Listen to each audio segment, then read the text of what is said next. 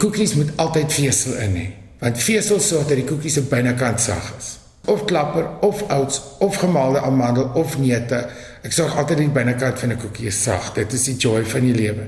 En die koekie moet 'n nasmaak hê. As jy daai koekie eet dan so oor 'n halfuur dan slaat die lemoen vir jou iewers wat jy nie eers van weet nie. Dit is fantasties. Maar 'n huis sonder koekies is 'n hartseer storie. Dit het ek nou eerstehands geleer by Nathaniel deur saam met hom 'n beslag koekies te bak. En baie welkom terug by hierdie week se aflewering van Kuns met Kontant. Nathaniel, aan die begin dink ek het almal gesê dat jy is dalk op skuur of dit wat jy wou doen was op skuur want dis asof die gevestigde agente en regisseurs jou ignoreer het en toe besluit jy maar jy gaan self 'n plan maak. Ja, 'n platemaatskappy het my geïgnoreer, televisie het my geïgnoreer, maar nie teater nie. My eerste job, ek was sal dit nooit vergeet, ek was in my 3de jaar, ek het in 'n kommune gebly op Stellenbosch. Ek het al my eerste konserte gedoen en ek het al 'n oratorium geskryf en 'n opera in daai tyd. Maar ek Stellenbosch is mos nou Stellenbosch. Hulle weet nie van die regte wêreld en die wêreld weet nie van hulle nie. So ek was in daai Stellenbosch storieetjie. En toe klop twee mense eenmiddag en toe sit Antoinette Kellerman en Martinus Basson wat kom kom hulle was te jong akteurs wat 'n play wil doen of iets en het gevind waar gaan iemand vir vir hulle die tipe en toe het ek gegaan en toe het hy die ou kamp van my gehoor en toe skryf hy 'n kabaret met my in en toe en ek en Charlene sit hier iets het ons loopbane letterlik in dieselfde week begin. Sy was in die een venue en ek was in die ander venue. En sy het sy het um Helen Goodbye so iets gedoen. Sy het vir Royston Stoffels blou geklap in die play. Dis al wat ek onthou. En toe ek na die dressing room toe gaan sê jy weet glad nie wie ek is nie. Maar um, jy gaan elke award wen wat nog ooit geskape is en jy gaan my vriendin word. Dit het hard gelag en toe was ons saam 'n jaar later in 'n in 'n play en 'n jaar later weer. En toe het sy vila gedoen en ek het my eerste televisie goed gedoen. Dan moet ons lunchtyd sy het my deur die goue akker laat loop. Dan tel sy werk ken vir haar, werk ken vir my. En dan die een wat die meeste erken en die ander die verloorde moet vir lunch betaal. So was hy woedend as meer mense my herken het want sy is aan Vila. Ek sal dit nooit vergeet nie. So ek was altyd dis hoekom ek opgehou swat het. Ek het net my graad lag maar ek moes nog geskiedenis 4 gaan skryf het. Maar ek het 'n kabaret gedoen in die wat daai tyd nie Komelan was. Toe ek gaan nou nie 'n kabaret los om die volgende oggend gaan geskiedenis 4 skryf nie. So ek was nooit by die art councils Ek was nie 'n lid van dit nie, maar ek was altyd by die een ek die laaste een was piknik by Dingaan toe ons die hele lot van ons gefire is en dit self gaan opsit het. Maar ek was na die een bly van daai in Wilson en music ou oh, nie musicals nie, kabarette. Kabarette is 'n vieslike woord want hulle gebruik dit as hulle nie weet wat dit is nie. Maar en dit het regtig opgehou in die Tweede Wêreldoorlog. Dis nou net nonsens. Maar um, ons het sulke goed gedoen met in Engels met Anne Wilson en al die akteurs en in, in Afrikaans met Martinus wat gedirek het of Gerard Skoonhof en of sulke mense Casper de Vries en die company Joey de Koker. Ons was 'n amazing lot by mekaar met al hierdie goed. So ek was ek het nooit op 'n werk van van toe af nie. Maar toe jy as 'n kabaretkunstenaar afskop Toe het jy mettertyd jou repertoire uitgebrei deur soul, blues en selfs klassieke ja, en jazz in te sluit. Die kabaret was 'n klein ding. Ek was altyd in 'n G-string of in fishnets of half kaal of gevloek of iets verkeerd gedoen want ek was so opstandig want society en die koerante en die kerk het probleme met my gehad en ek het gerebelleer daarteen. As jy my 100 en nee my 150 stories lees, die eerste 20 is ontsettend onbeskof. My nuwe uitgawe kom nou uit met 'n apology voorin, maar dit is deel van my geskiedenis. Ek gaan dit nie ontken nie. Ek was 'n rebel. Ek het in nagklubs gesing met amper niks klere aan nie. Ek het vieslike stories vertel. Dit het ek het gesyp soos 'n matroos en gerook soos 'n potjie kompetisie. Dit was ongelooflik. Maar dit was dit was my beginjare. Ek was wild. En ek wil dit nie verruil vir enige ietsie. Dit het my gebring tot waar ek nou is. Ja. En ek het dit uit my stelsel uitgekry. Anders ander mense is ordentlike word hulle mal op 45. Verneek die vrou en verwoes die loopbaan. Ek het daai alle sondes uit my stelsel gekry aan die begin van my loopbaan. Maar mense het kom kyk. Ek onthou my eerste show het een mens gehad in C-punt en teen die einde van die run was dit uitverkoop. Hmm. Maar 'n uittreksel op bladsy 50 van jou memoir met ehm um, die titel Bloekom som daai tydsperiode vir my baie mooi op. Sal jy asseblief vir ons daai paar reeltjies lees? Dit is my vrees vir die bome daai tyd. uiteindelik was dit weer die streeksrade en dit was nie die streeksrade was sekere mense in die streeksrade was dit weer die streeksrade wat 'n kans gewaag het vinnig hierdie vertonings begin uitverkoop landwyse toere is aangebied weer en weer tydskrifte het begin skryf die eerste voorblaai het verskyn daar was klagtes televisieprogramme kon nie genoeg kry nie daar was nog meer klagtes Die tonge het geklap, my trane het verdwyn en geld het verskyn. En geleidelik na 10 jaar op die verhoog het ek ophou wonder hoe lank dit sou aanhou. Die foon en die faks het gekoer. 2, 3, selfs 4 nuwe produksies per jaar is aangebied. Al hoe minder deur myself, ek kon net my fooi noem. Ek was die liefling van die kaartjieskantoor. Ek onthou dit.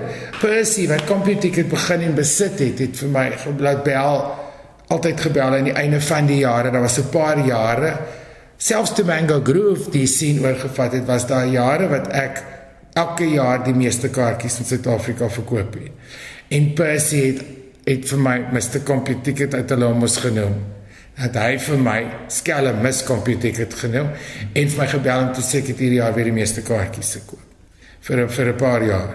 Maar Miss Compute Ticket gaan toe aan en begin 'n opname en publisiteitsmaatskappy Nathaniel House of Music. Ek het dit al actually begin toe nog geswat het vroeg terug om venues te kan hier om my eerste opera aan te bied. So my pa moes die registrasievorms want ek was nie legally oud genoeg nie. So oud is die company.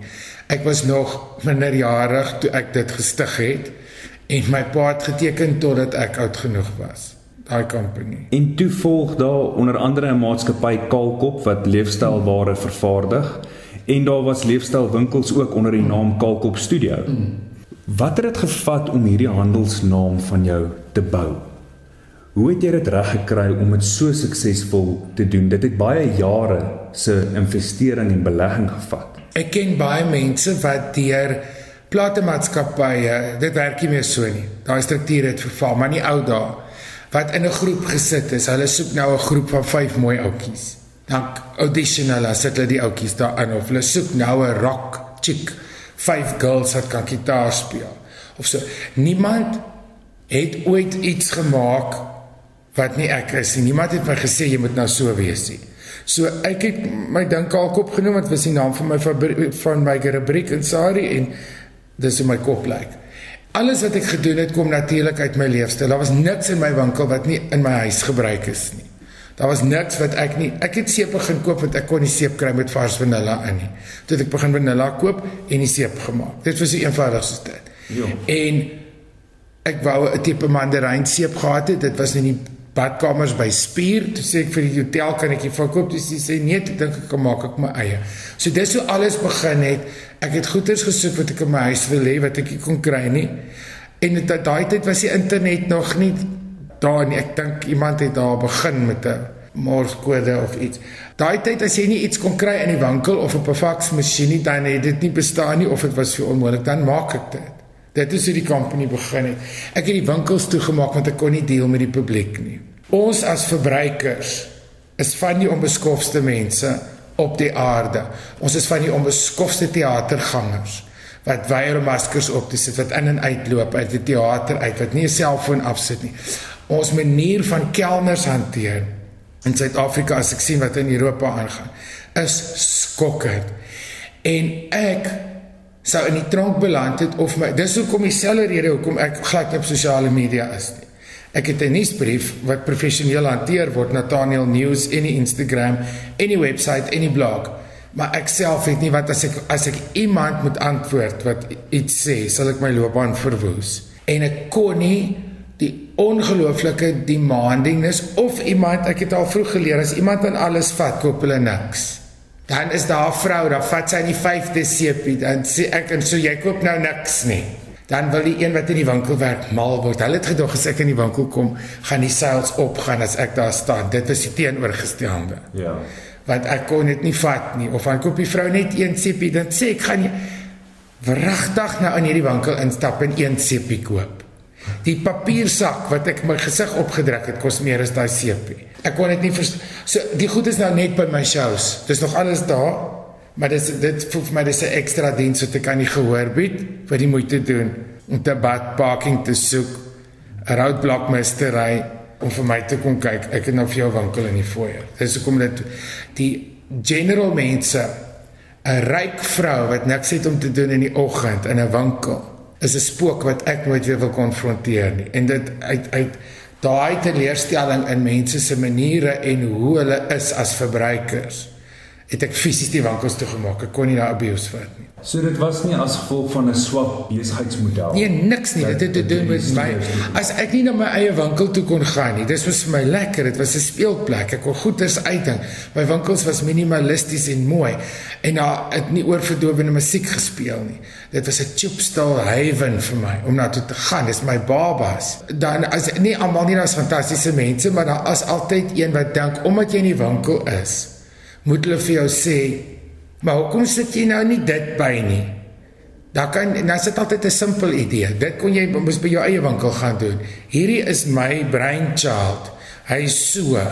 Die feit dat ek in hom staan is nie jou geleentheid om vir my te sê wat ek aan my besigheid moet doen nie. Nou weet ons die werklike rede hoekom al daai leefstylwinkels Kalkop Studios mm. toegemaak het met goeie rede. Kan jy aan 'n spesifieke swak finansiële besluit of 'n swak besigheidsmodel dink mm. wat nie uitgewerk het nie? Elke keer wanneer ek in partnership gaan met iemand, dit moet jy nooit doen nie. Dit is die swakste ding. Wat 'n mens is 'n ding wat jou kan wat jou kan teleurstel, wat anders kan dink. As jy 'n visie het, en jy wil dit vat waar jy wil, maar jy wil ook jou siel daarmee gesond hou. Dan moet jy dit alleen doen. Doen jou ding op jou eie onafhanklikheid en doen dit ding self. As jy 'n ding goed gedoen wil hê, doen hom self. Nathaniel baie dankie dat ek vandag by jou kon kom kuier het. Dis 'n groot plesier.